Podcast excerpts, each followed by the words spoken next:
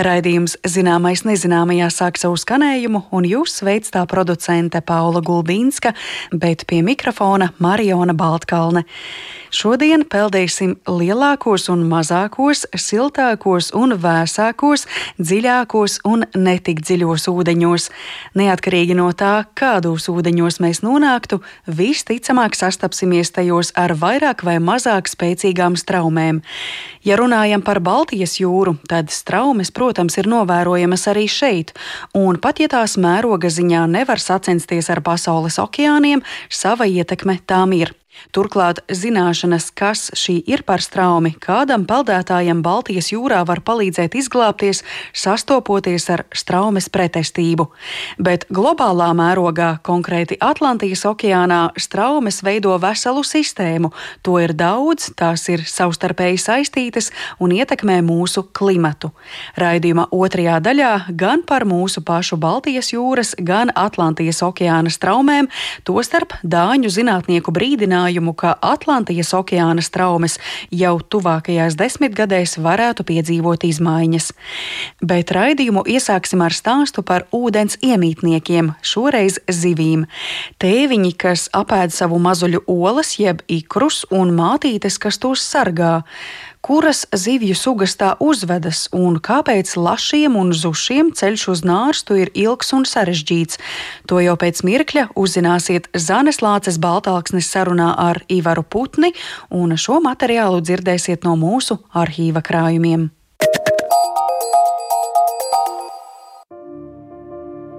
Pasaules ūdeņos mīt aptuveni 30 tūkstoši zināmu zivju sugu, un ņemot vērā šo lielo daudzveidību, arī izdzīvošanas un pēcnācēju radīšanas mehānismi ir vairāki.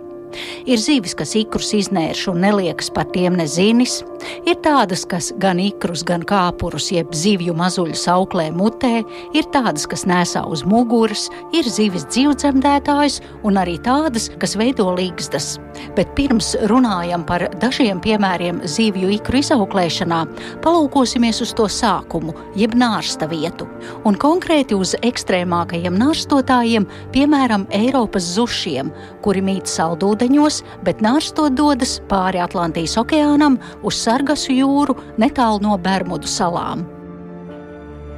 Kāpēc šai zivij ir jāmēro šis ceļš, un kurām vēl zivju sugām ir jāpārvar šķēršļi, lai radītu pēcnācējus?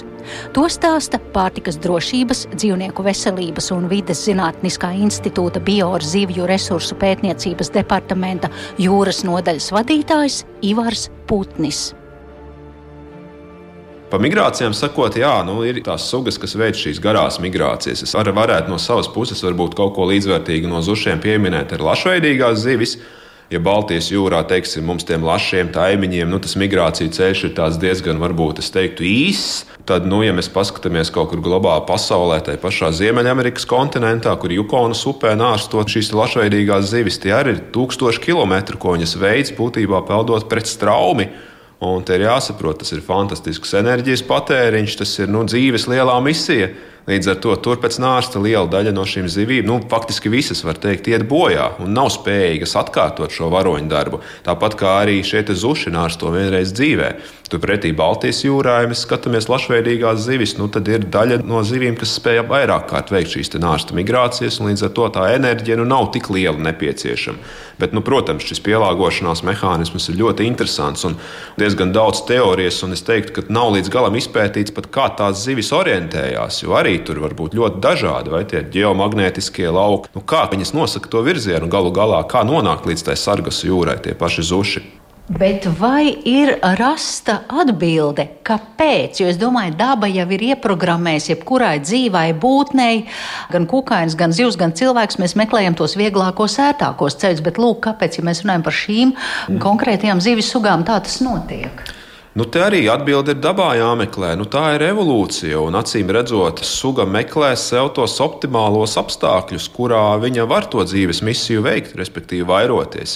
Un atkal jau filozofisks jautājums, nu kāpēc tie optimāli apstākļi tam zutim ir tieši tajā šaurajā rajonā, tajā sargas jūrā. Nu, līdz galam tas nav atbildēts. Mums ir jāsaprot, ka tas ir revolucionāri ļoti ilgs laika posms bijis, kurā šis pielāgošanās mehānisms ir izstrādājies. Jā. Un ļoti iespējams, ka tā ir bijusi kaut kāda lokāla populācija, kas ir apdzīvojusi to rajonu, tad, kad kontinenti vēl bija sabīdījušies kopā un tas okeāns bija salīdzinoši neliels tajā rajonā. Nu, tur ir dažādas hipotēzes, bet es teiktu, nu, tā vienkāršiem vārdiem, jā, nu, tā ir evolūcija. Un zivis meklē, kā izdzīvot un kā vairoties un, un, un kā sekmīgi eksistēt. Un tie pielāgošanās mehānismi līdz ar to katrai sugai nu, ir specifiski. Jo faktiski visas sugas, kas mūsdienās dzīvo, mēs varam teikt, tie ir tādi nu, evolucionāri čempioni, uzvarētāji.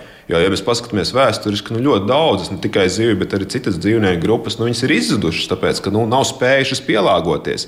Un šie te ir tad, nu, visi šie veiksmīgie pielāgošanās mehānismi. Tā skaitā šādas trakas nārsta migrācijas, kas liekas, kāpēc tas ir vajadzīgs. Bet, no nu, acīm redzot, tas ir veids, kā sugas var eksistēt. Skatot nākamo posmu, kad ikri jau ir iznērsti, kā jau sākumā minēju, te zivis iedalās vairākos tipos. Ir labie, rūpīgie vecāki, ir nevērīgie un ir viltīgie, kas uzgrūž rūpes par saviem ikriem citām zivīm. Vispirms ihtiologs Ivars Putnis skaidro ikru daudzumu attiecību pret izdzīvojušajiem zivju mazuļiem. Uzreiz es saku, ir jāsaprot viena lieta, ka zivīm ir fantastiska augsta mirstība ikra un arī kāpuru attīstības stadijās. Ja mēs iztēlojamies jebkuru sugu, paskatāmies, cik daudz tie ikriņi ir iekšā. Un, protams, tas skaits varēja no sugas, bet viņš nereti ir mērāms miljonos vienai mātītei. Tad mēs varam iztēloties, cik lielai mirstībai jābūt, lai vajadzētu tik daudz dzimumu produktus. Jā? Jo savādāk, ja viņi visi izdzīvos, tad mums ātri būs jūrā vairāk zivis nekā ūdens. un tad tālāk jau ir šie dažādas stratēģijas, nu, kā nodrošināt pēc iespējas augstāku šo ikru izdzīvotību. Jo galu galā, nu, pieņemsim, ja mēs skatāmies tā globāli jūras zivīm un okeānu zivīm, vairāk ir raksturīgs tas, ka viņas nerūpējās par šiem tikriem. Viņas nārsto ikri bieži vien ir brīvi peldoši, peleģiski saucami. Jā, Un būtībā tā viņu attīstība notiek bez vecāku rūpēm. Viņi tiek pārvietoti ūdens masas ietekmē, strauji ietekmē. Un, protams, arī attīstās nu, vietās, kur varbūt tie apstākļi nu, vienā gadā ir labvēlīgi, citā gadā nelabvēlīgi. Līdz ar to tā kopumā ņemot jūras zivīm, parasti tas ikru skaits, tā produktivitāte ir augstāka, bet līdz ar to arī mirstība ir augstāka. Liela daļa vienkārši iet bojā kaut kāda nelabvēlīga apstākļu dēļ. Ja? Nu, tad, protams, mums ir tādas sugas, kas eh, mēģina to ikru mirstību samazināt, rūpējoties par ikriem. Jā. Un tie mehānismi ir atkal ļoti daudz un dažādi. Jā. Tas ir gan tie ikriņi, var tikt apsargāti. Tas daudzām sugām ir raksturīgs, ka tēviņš pēc nārsta uzturās nārsta ligzdas vai vietas tūmā un mēģina padzīt konkurentus, mēģina padzīt citas sugas un nu, pasargāt tos ikrus. Tad ir sugas, kas ikrus iznēsā, jo, pieņemsim, arī jāsaprot, ka, lai ikrs izdzīvotu, tas nav tikai nu, tie apdraudējumi faktori, nav tikai ka kāds viņus grib apēst, bet arī nu, tīri vides ietekme kaut kāda nelabvēlīga. Tur kaut vai var būt ļoti vienkāršs efekts, ka tās zivis intensīvi nārsto vienā vietā. Nu, teiksim, ja tas ir uz grunts vai vegetācijas tīkli, veidojās blīvā slānī, un tie, kas ir dziļāki, tie nu, netiek labi apskābekļot un iet bojā. Līdz ar to ir sugas, kas nesā ikrus uz sava ķermeņa, gan kaut kādās specifiskās eh, vēdera somās, gan vienkārši, kuriem ir lipīgi ikriņu uz ķermeņa. Tāpat Latvijā sastopamā čūskas. Viņi arī tēviņš faktiski ikriņus uz vēdera nesā pāris rindiņās un nodrošina tādā veidā gan aerāciju, ka viņi ir labi apskābekļoti, gan arī to, ka viņš pats izvairās no kaut kādiem plēsējiem, no bīstamības un paslēpjas. Tāpat tās arī sugas, kas mutē, nesā šos tikriņus. Tas arī palīdz viņus apskābekļot, palīdz paslēpt no plēsē.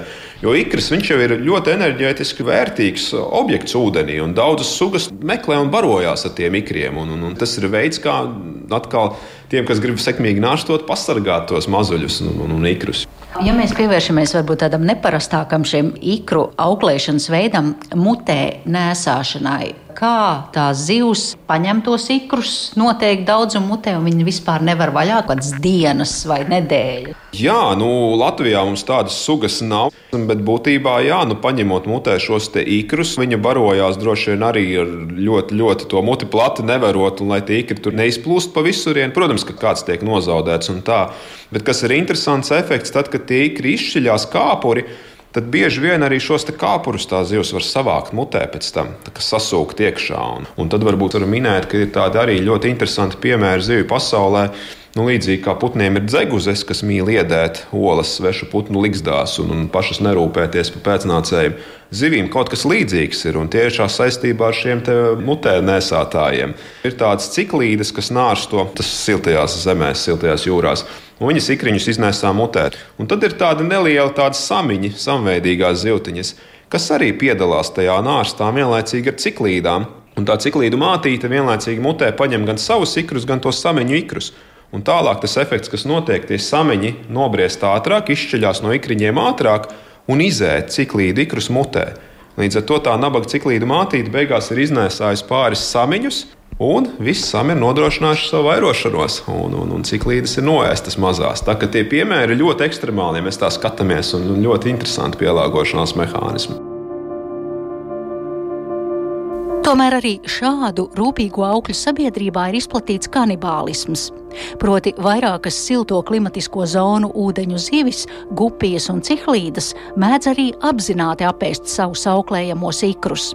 Gan tāpēc, ka šajā periodā zivs nebarojas, gan arī ir novērots, ka dažām šo sugu zivīm ikri rada iekaisumu mutē, un tāpēc mātes audzējot savu veselību, daļu ikru apēdu. Savukārt jūras grunduļu tēviņi, kas visādi citādi tiek uzskatīti par rūpīgiem mikroauklētājiem, arī mēdz baroties ar savu atvašu ikriem. Zinātnieki ir izvirzījuši hipotēzi, ka šāds kanibālisms palīdz atbrīvoties no bojātiem ikriem, vai arī ikru skaitu samazināšana nozīmē, ka atlikušie tiks labāk apgādāti ar skābekli. Bet tās vēl nav visas ērmības, kas ir raksturīgas jūras grunduļiem, laižot pasaulē pēcnācējus. Vēl viens tāds piemērs ir mums apaļais jūras grundulis, tāda svežzemes suga Latvijā, kas arī taisa tāds kā nārsta ligzdas, un te viņš tāds ļoti dikti agresīvs un negants cenšas būt un visu dzīt projām. Un tur atkal ir tāds interesants moments, ka ir tēviņi, kas atgādina ārēji mātītes. Un tad, kad notiek tas nārsta process, viņi pie tās ligzdas arī parādās un arī pa vidu spraucās iekšā un lien. Un tas lielais alfa tēviņš, melnais, nu, viņš nenojauš, ka tas ir konkurence, un, un, un viņš viņu nedzen projām. Un beigās izrādās, ka tam mazajam tēviņam arī dzimuma produkti attiecībā pret ķermeņa masu ir lielāki. Viņš ir diezgan žiperīgs un viņš nonārsto. Un beigās tas lielais tēviņš sargā ne tikai savu ģenētisko mantojumu, bet arī šī konkurējošā tēviņa. Nu, tāpēc es saku, ka tā zivju pasaule ir ļoti daudzveidīga un tas ir tādi nu, ļoti interesanti piemēri meklējumi. Un vēl viens moments, ko es varu pieminēt, arī, ka Ikra izmērs spēlē lomu.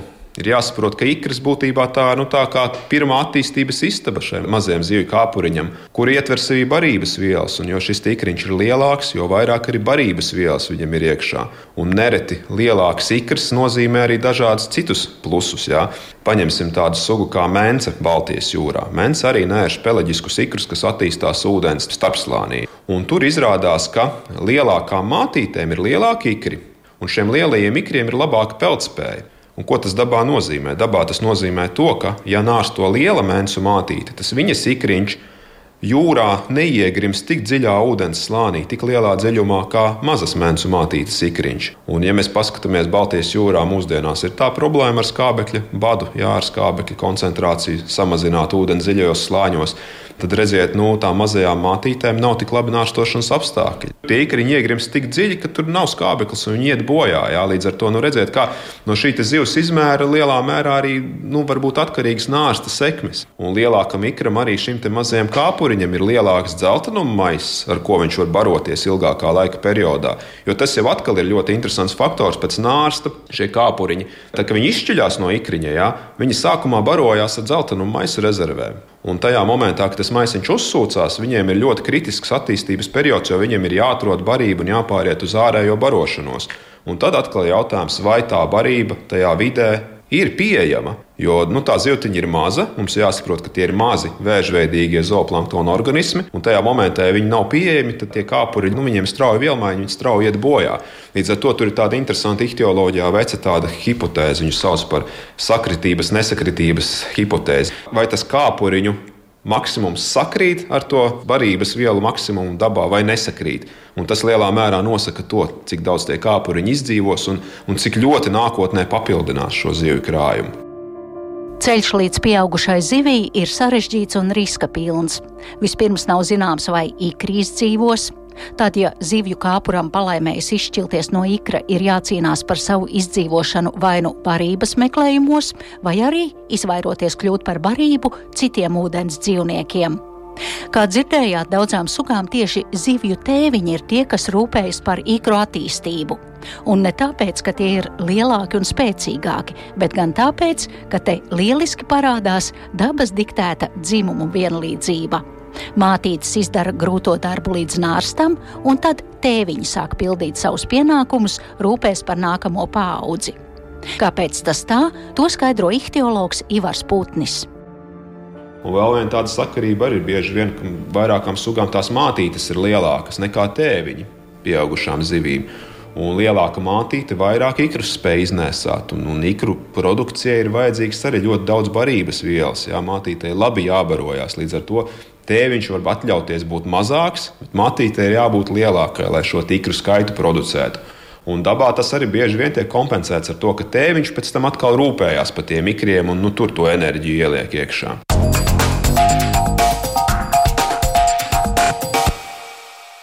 Tas bija kolēģis Zanes Lācis Baltāksnes veidotais sižets par interesantām zivju dzīves izpausmēm, un šo stāstu dzirdējāt no mūsu arhīva. Bet raidījuma otrajā daļā runāsim par ūdeņiem vēl plašākā kontekstā, skaidrosim straumju ietekmi uz klimatu.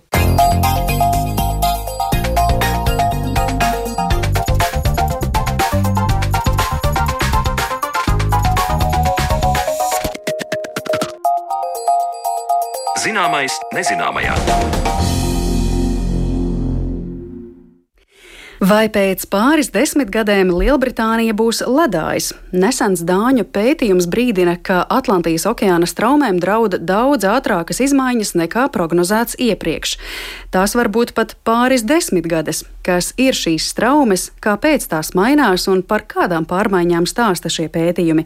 To mēs izzināsim plašāk sarunā ar Latvijas Hidroekoloģijas institūta pētnieku Māri Skudru. Labdien, Māri! Sveiki! Es gribētu sākt ar tādu vispārīgāku jautājumu, ko tad mēs zinām par Atlantijas okeāna straumēm, jo domājams, ka daudziem noteikti būs dzirdēta golfa straume, mums tāda geogrāfiski diezgan tuva, kas arī ietekmē mūsu reģionu, bet droši vien tā nav vienīgā. Kas vēl ir tajā okeāna straumju klāstā? E, jā, nu droši vien visi cerams ir dzirdējuši par golfa traumu un zina, kas tā tāda ir, bet uh, Nu, tā vienkāršot varētu teikt, ka tā ir tāda maza daļa no tās straumju sistēmas, kas eh, šajā piemērā varbūt mēs šodien vairāk par Atlantijas okeānu runāsim, kas iekļaujās šajā kopējā straumju cirkulācijas schēmā, kas ir Atlantijas okeānā. Nu, un, protams, ir golfa straume, tālāk arī viņa sazarojās un ir citi nosaukumi, bet, nu, kopējā tajā sistēmā Atlantijas okeāns ir būtisks no nu, visā globālā šajā straumju sistēmā. Kas, teiksim, mūsu reģionu, Baltijas reģionu, Latviju visvairāk skar? Vai tā ir tā pati golfa traume, vai vēl kāds no tiem atzariem, par ko jūs runājat? Nu, vienkāršot atbild būtu jā, tā ir tā pati golfa trauma. Ja mēs tur tālāk gribētu dalīt, tad pēc tam tā golfa trauma sākās pie Meksikas līča Karību jūrā, apmēram tajā reģionā, tad viņa plūst uz ziemeļiem. Un tad it kā pēc tā geogrāfiskā vai okeanogrāfiskā dalījuma viņa sazarojās. Viņa tad sākumā, ja nemaldos, kļūst par Ziemeļatlantisko straumi bet tā ir principā tā, ir tā pati golfa siltā straume, kas vienkārši plūst uz ziemeļiem, un tad mainoties platuma grādiem, tad nedaudz arī pamainās tā, nu, nosauksim to par nomenklatūru. Jo gar Norvēģijas krastiem arī viņi ir nosaukuši, ka tā ir. Man liekas, tā arī saucās Norvēģijas traume, bet tā ideja tā pati, ka tā ir tā siltā, siltais, nu, šai gadījumā golfa traumas atzars, vai, ja gribam vienkāršot teikt, tad tā pati golfa trauma vien ir. Tā ir kā iela, kas pēc krustojumiem maina nosaukumu. jā, jā, jā, principā tā varētu teikt. Un eh, kā ar kopumā šo lielo kamolu? Es to redzu kā tādu muģekli ar daudzām un dažādām straumēm, no kurām tad viens ir šis eh, golfa straumju atzars, kas tātad vēl iegūst eh, citus nosaukumus, bet vai tajā kamolā muģeklī tur ir ļoti, ļoti daudz visa, kā tas ir apzināts, tas skaits, piemēram? Tā jau nevienam jau īsti nav tas pašmērķis apzināt kaut kādu straumju skaitu vai kā. Galvenais ir saprast to lielo sistēmu, un tad jau ir viss atkarīgs atkarīgs, kāds ir pētījuma vai intereses mērķis, cik dziļi detaļās mēs gribam iet. Tā kā nu, pa tādu skaitu, ka, teiksim, nu, redz, kur mums Atlantijas okeānā ir 53 straumes, nu, tādu formulējumu es nekad neesmu dzirdējis. Parasti visi runā par to sistēmu, un tad, ja mēs gribam runāt par sistēmas kādu konkrētu daļu, tad jau mēs tālāk runājam par šo sīkāko dalījumu. Vai tas ir atsevišķs kāds lokus, vai konkrēts trauma, vai siltā, vai vēsā, vai mēs vienkārši nosaucam okeāna daļu, par kuru mēs runājam. Bet uh, droši vien, ka neatkarīgi no tā, cik to straumju ir 53 vai vairāk, es ticu, ka golfa strauma ir nesaraujami saistīta tādā kopējā sistēmā ar visu pārējo, ka tās cita citu arī ietekmē, vai ne? Jā, protams, eh, nu, galvenais, ko golfa straumi dara, viņi ir siltā strauma, viņi no šiem tropu reģioniem nes šo silto ūdeni uz Atlantijas okeāna ziemeļu daļu. Līdz ar to tas ir nozīmīgs avots ne tikai kā siltāks ūdens, kas tiek piegādāts, bet tas arī ietekmē šo reģionālo klimatu mums. Tāpēc mums ir Lielbritānijā nu, visiem droši vien asociējas, ka tur vienmēr ir lietains un tā tālāk. Līdzīgi ir arī Norvēģijas rietumu piekraste, kas ir Bergena, kas ir slavena ar to, ka viņiem ir tur 11 varbūt saulainas dienas gadā. Tā ir tā ietekme, ko tā golfa straume dod, jo kopā ar šiem siltākiem ūdeņiem viņa arī atnes nokrišņus šajos reģionos. Tieši dēļ tā, ka viņa transportē šīs siltās gaisa masas. Un tas droši vien nosaka arī to, ka mums, piemēram, augustā bieži līst. Tas gan mainās, tas ir jau stāsts par klimata pārmaiņām, bet, nu, jebkurā gadījumā mūsu tādu klimatu cikliskumu gada griezumā arī tas regulē, vai ne? Protams, noteikti, un tāpēc arī ir diezgan nozīmīgi saprast, vai ir kaut kādas izmaiņas. Konkrēti šeit, piemēram, mēs runājam par golfu straumu vai vienkārši Atlantijas šo kopējo cirkulāciju Jo tiklīdz ir kaut kādas nobīdes vai nianses, tas uzreiz ir redzams, tas uzreiz atspoguļojas mēs laika apstākļos, klimatā, mēs to agri vai vēl mēs izjutīsim to. Un tevis piesauktajā šajā dāņu pētījumā Tur viņi kā reizi ir skatījušies uz ūdens temperatūrām pie Grenlandes. Tā metodika viņiem ir tāda, ka viņi analizē tos datus, kas viņiem ir, un tad viņi izslēdz ārā šo cilvēku ietekmi, respektīvi viņi izslēdz visu ārā, un viņi ir pārliecināti par to, ka viņi operē tikai ar šīm golfa traumas datiem. Kāds tieši ir šīs golfa traumas atnestais siltā ūdens daudzums, un tad viņi ir secinājuši, ka principā tā temperatūra ir tendence iet uz leju, kas ir tieši sekas tam, kad eh, golfa traume vai nu pavājinās šobrīd, mēs salīdzinām, kā ir bijis agrāk, un līdz ar to, protams, viņi transportē mazāk šo silto ūdeni. Pieminēja tieši Grenlandi. Es arī gribēju jautāt par Grenlandi un, piemēram, Islandi.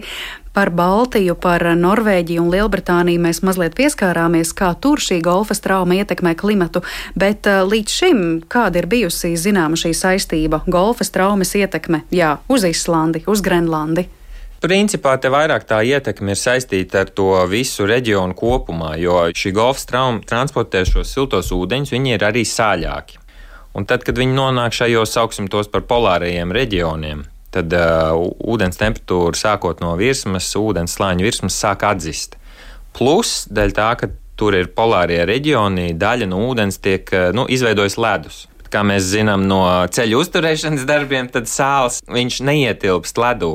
Līdz ar to tas mehānisms ir tāds, ka šie ūdeņi atdziest, viņi ir sāļāki, viņi atdziest un dēļ tā viņi grimst lejā un tas veicina šo sajaukšanos, un tālāk šie vēsie atdzisušie ūdeņi jau tad pa Atlantijas okeānu apakšējiem slāņiem plūst atpakaļ pa to Atlantijas okeānu kopējo, runājot par kopējo to cirkulāciju nu, viena vienota sistēma nav nekas tā ar nazi nogriezts. Izklausās tā. Ja mēs turpinam stāstu par to vienoto sistēmu, tad es gribētu pieskarties arī vārdu salikumam, kas tagad arī, ja runājam par pieminēto dāņu pētījumu, izskan.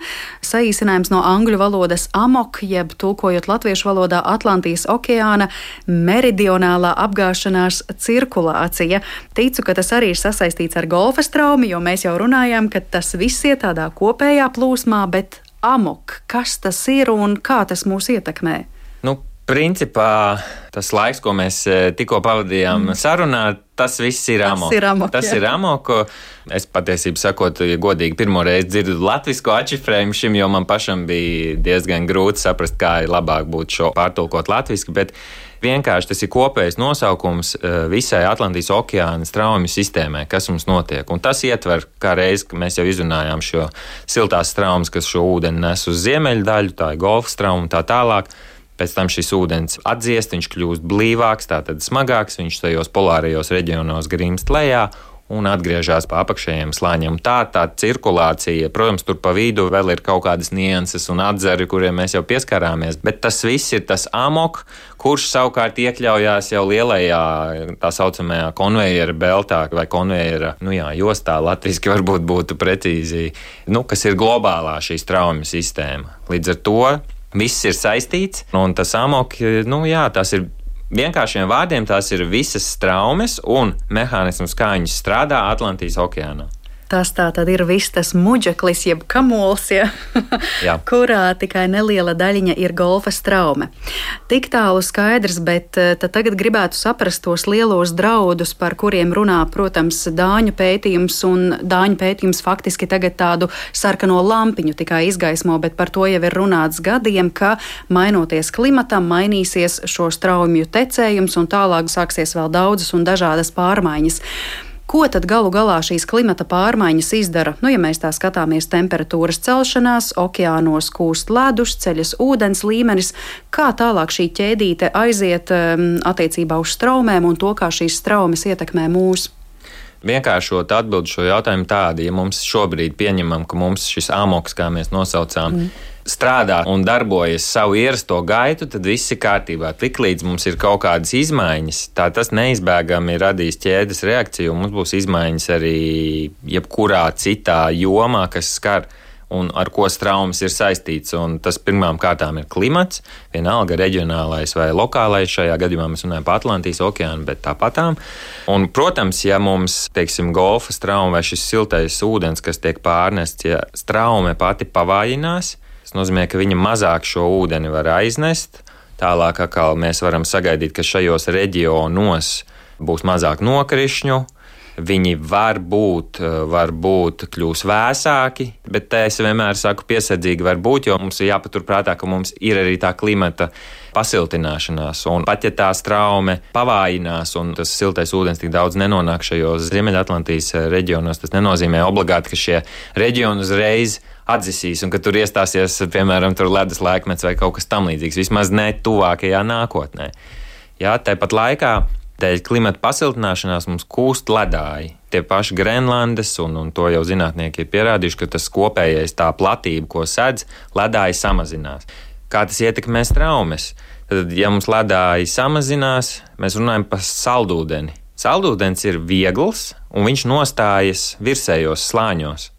Līdz ar to viņš tā kā traucē, viņš sāk traucēt šai apmaiņai. Jo normāli ir tā, ka šie okeāna ūdeņi nonākot polārajos reģionos atdziest, un tad viņi ir sāļāki, un tāpēc viņi grimst kopā.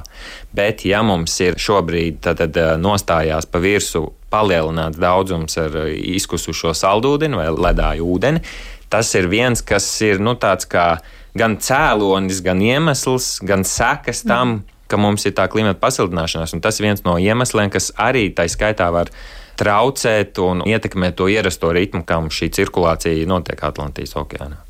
Faktiski tā proporcijas maiņa, cik ir sāļais un cik saldais ūdens, automātiski ietekmē to, cik veikli ja, tā straume var pārvietoties. Jā, jā, tā ietekme varētu nosaukt tā, ka tā ir varbūt kaut kur savā ziņā kā proporcijas. Mm. Nu, otrs, protams, kad ja mums straumes pavājinās, es jau bieži piesaucu, teiksim, šis siltais ūdens mums nenāk, mums mainās arī tas nokrišņu daudzums. Mainās varbūt ne skaitliski, es nevaru pateikt, cik viņš mainīsies, bet mums var mainīties viņu lokācija. Nu, ja nemaldos, tad uh, Dāņu rakstā vai kaut kur citur es nesen tieši lasīju par to, ka, ja tas amoks, uh, ja šī cirkulācija pavājinās, tad viens no tādiem dabā redzamākajiem rezultātiem būs tas, ka pārbīdīsies nokrišņu vai lietus zonas arī noteiktos Āfrikas apgabalos.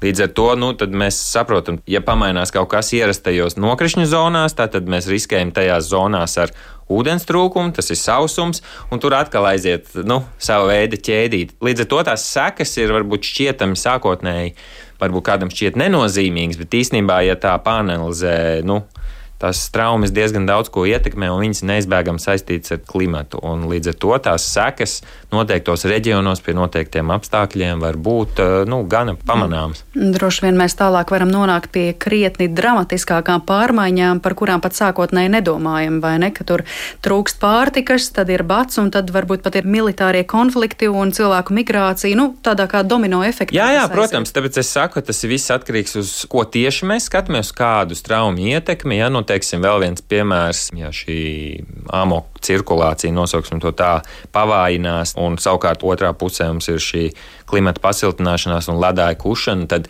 tas savukārt nozīmē, ka Amerikas austrumu piekrastē palielināsies ūdens līmenis. Tas gan vairāk ir tieši saistīts ar to, ka šie ledāji kūst un dēļ tā, ka mēs pasiltinām klimatu. Bet Māri par šo, protams, tiek runāts jau ilgu laiku.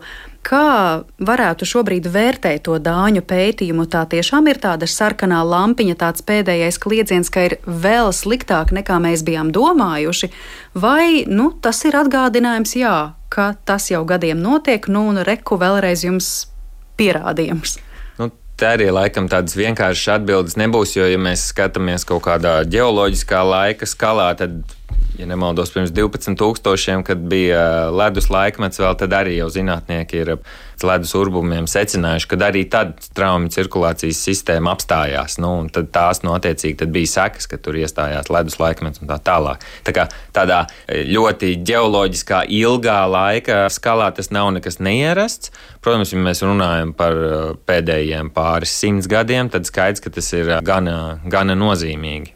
Nu jā, tajā rakstā viņi piemin jau aptuvenos gadus, ka ar lielu pārliecību var prognozēt, ka amok varētu mainīties jau 2025. gadā, bet ne vēlākā 2095. gadā. Nu skaidrs, ka šajā gadsimtā mēs piedzīvosim pārmaiņas ar amoku, jā, iespējams, vēl lielākas nekā tās būtu notikušas nu, normālos apstākļos. Un vēl ir pats par sevi tā lieta, ka šī amoku cirkulācija pavainās, arī nav nekas jauns, jo šis IPSS, kas ir angļuiski, kas laikam latviešu būtu starpvaldību klimata pārmaiņu pārvalde, ja nekļūdos. Viņi jau arī ziņoja, bet viņu pēdējā ziņojumā ir tāds apgalvojums, ka viņi, ir, nu, viņi bija skeptiskāki par to, ka vai šis amoks pavaināsies vai apstāsies šajā gadsimtā. Tad šis dāņu pētījums ir iedevis bišķiņu tādu aktuālo termiņu laika skalā, jo viņi savukārt pasaka 95% ticamību, ka tas notiks šajā laika posmā, ko tu jau minēji, no 25. Mm -hmm. līdz līdz 97. vai 95. kā Jā, un, bija. Un visticamāk no 2039. līdz 2070. Jā, tas, tas ir tad, tad vienkārši tas diapazons, varbūt skatī, klausītājiem jāsaprot, ka tas ir vienkārši tāds matemātisks sadalījums, bet gan viens, gan otrs robežas skaitlis šajā gadījumā iekļaujās tajos 95% varbūtībā. Skaidrs, ka visticamāk, ka kaut kur pa vidu būs tā patiesība, var, varbūt tur kaut kāds 2050 ar kaut ko. Bet tīri matemātiski, pēc visiem matemātiskajiem likumiem, jā, var, var arī sanākt, ka 25. Bet nu, par to es laikam būtu diezgan skeptisks. Mm. Jautājums, kas droši vien ir visai filozofisks, bet jebkurā gadījumā plašs. Kaut ko šajā plūsmā, šajās pārmaiņās mēs vēl varam izmainīt, varam novērst to, kas mūs tiešām draudoši ietekmētu. Vai tas jau ir stāsts par vispār krietni plašāku šo tēmu, kas ir ar lielo virsrakstu klimata pārmaiņas? Jā, precīzi, precīzi. Tu jau noraksturoji šo vienkāršoto atbildi, jo.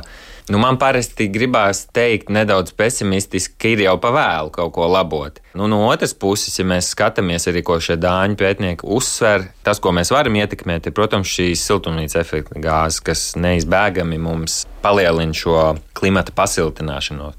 Tas ir tas praktiskais, ko es redzu, ka cilvēce var šobrīd ietekmēt.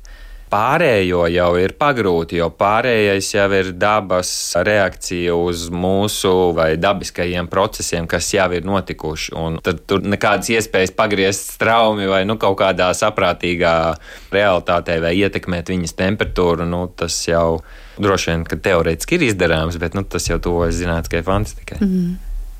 Es gribētu pieskarties vēl tematam par eh, Baltijas jūru.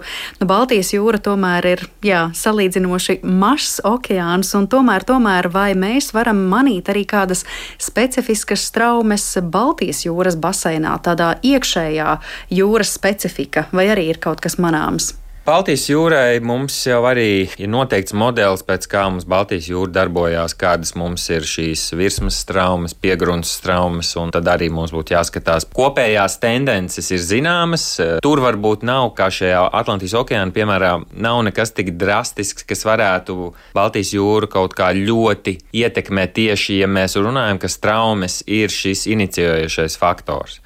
Protams, ka klimata pārmaiņas un tas, ka eh, varbūt mums palielināsies šie rietumu, valdošie rietumdienu rietumu vēju, tieši viņu ātrums, varbūt mums tur būs vētras stiprāks un kaut kas tamlīdzīgs, tas var atstāt kaut kādu iespaidu, ja, bet, bet nu, nav mums tik ļoti neviena tāda liela un nozīmīga traume Baltijas jūrā, ja mēs tiešām salīdzinām to ar, piemēram, ar golfa straumi. Skaidrs, ka traumas ir ļoti nozīmīgas Baltijas jūrā pie ūdens apmaiņas un viņām ir nozīmīga loma, bet nu, tā tīri viens pret viens to nozīmību man negribās tā pārspīlēt. Ja? Protams, es negribu arī, lai klausītāji pārprot, ka mums Baltijas jūrā straumiem nav nozīmes. Tā gluži tā noteikti nav. Arī tā pašā Rīgas līcī ir noteikts lietas, kā mums ūdens nāk iekšā pie irbas šaurumu, un tad kas ar viņu notiek un tā tālāk bet tas nav tik globāli nozīmīgi salīdzinot ar šo Atlantijas cirkulāciju.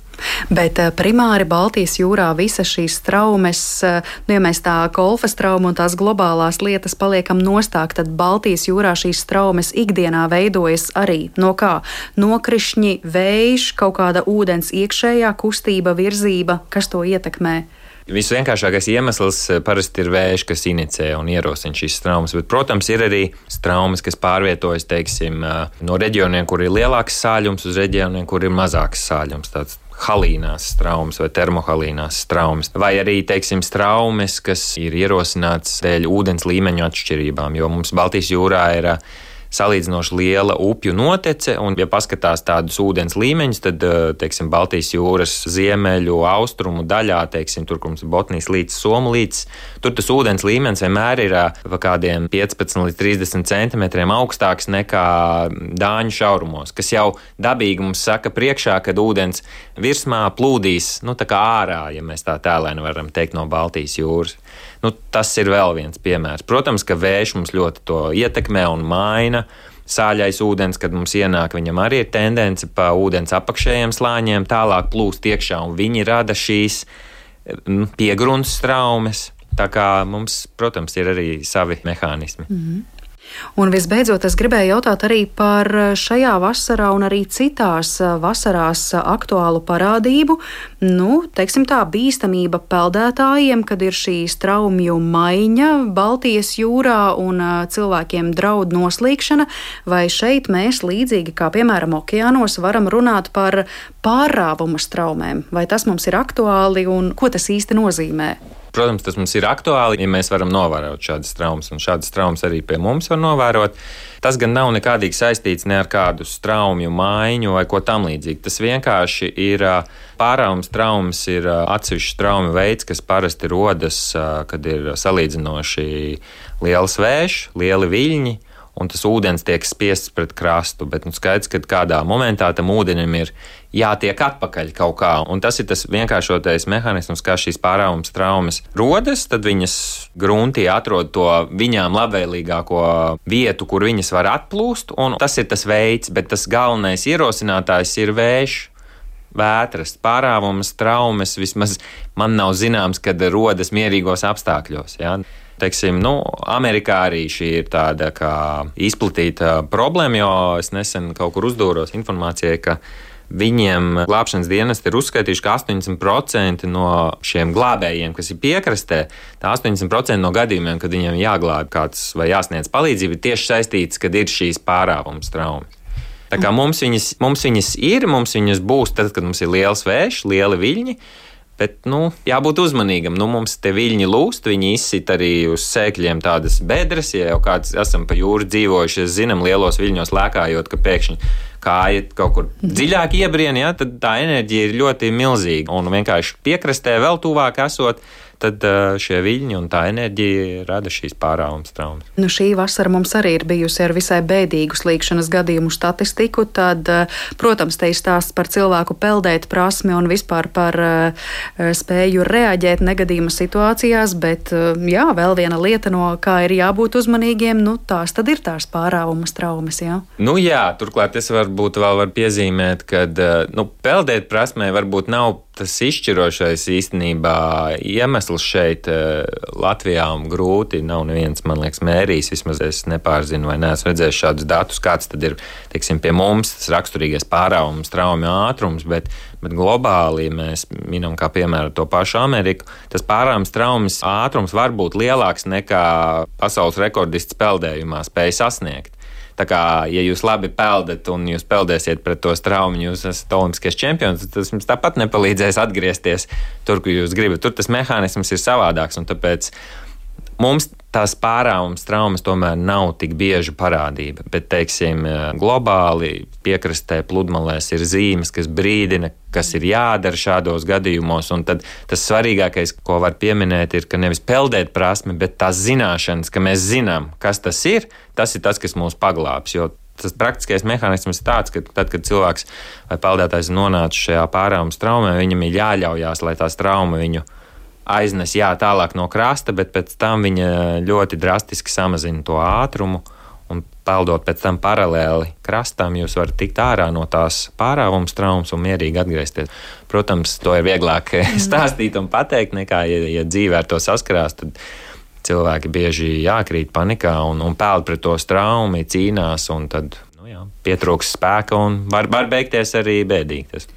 Starp citu, kolkas ragā tas arī ir aktuāli, jo es zinu, ka man vienmēr ir stāstīts, kolkas ragā lūk, nevajag peldēties tajā vietā, kur īstā jūra satiekas ar līci, tur, kur ir raksija. Tas ir vienkārši straumju kaut kāda maiņa, vai tur arī ir stāsts par pārāvuma straumēm? E, nu, man gribētos diezgan droši teikt, ja mēs noliekam malā, ka mums atkal nepūš lieli vēji, ja, tad tas nebūs stāsts par pārāvumu traumēm, bet tas ir bišķiņ tādā jau lielākā mērogā. Tā bīstamība vai atšķirība ir tā, ka vienkārši Kolkas raks ir vieta, kur mums satiekās Rīgas līcis ar atklāto jūru. Un bieži jau esot uz vietas, var redzēt, ka eh, viļņi plūst dažādos virzienos. Līdz ar to mums arī tās traumas ir dažādos virzienos. Līdz ar to tā bīstamība ragā ir man gribētos teikt, ka ir tieši saistīta ar to neprognozējumību. Kad pēkšņi jūs nonākat no vienas ūdens masas otrā, kur pēkšņi ir pavisam citādākā virzienā vērsta vai tam līdzīgi, bet tas šai gadījumā nebūs vērsts. Jo pārāvums traumas tomēr ir lokālas. Viņas ir piesaistītas noteiktai vietai, pludmalē vai piekrastē. Un, nu, zinātāji un profesionāļi var viņas arī pamanīt, bet tas nav pārāk viegli. Mm. Nu, tālāk mēs no stāsta par eh, lielo muģekli, jeb kamolu amoku, kura sastāvdaļa ir golfa traume un kas ietekmē mūsu klimatu, esam nonākuši līdz sarunai īstenībā par tādām praktiskām lietām, kur vairāk runa ir par zināšanām un eh, apzinātību. Ietajā jūrā šobrīd peldēties vai ne?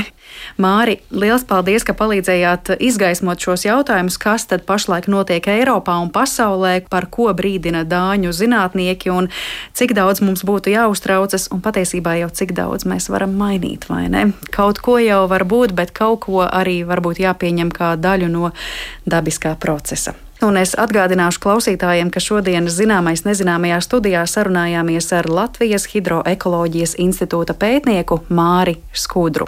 Un ar to arī mūsu raidījums šodien izskan. Par to parūpējās Paula Gulbīnska, Ansis Pavasaris, Elizabete Šaicānova un ar jums pie mikrofona bija Mariona Baltkalne.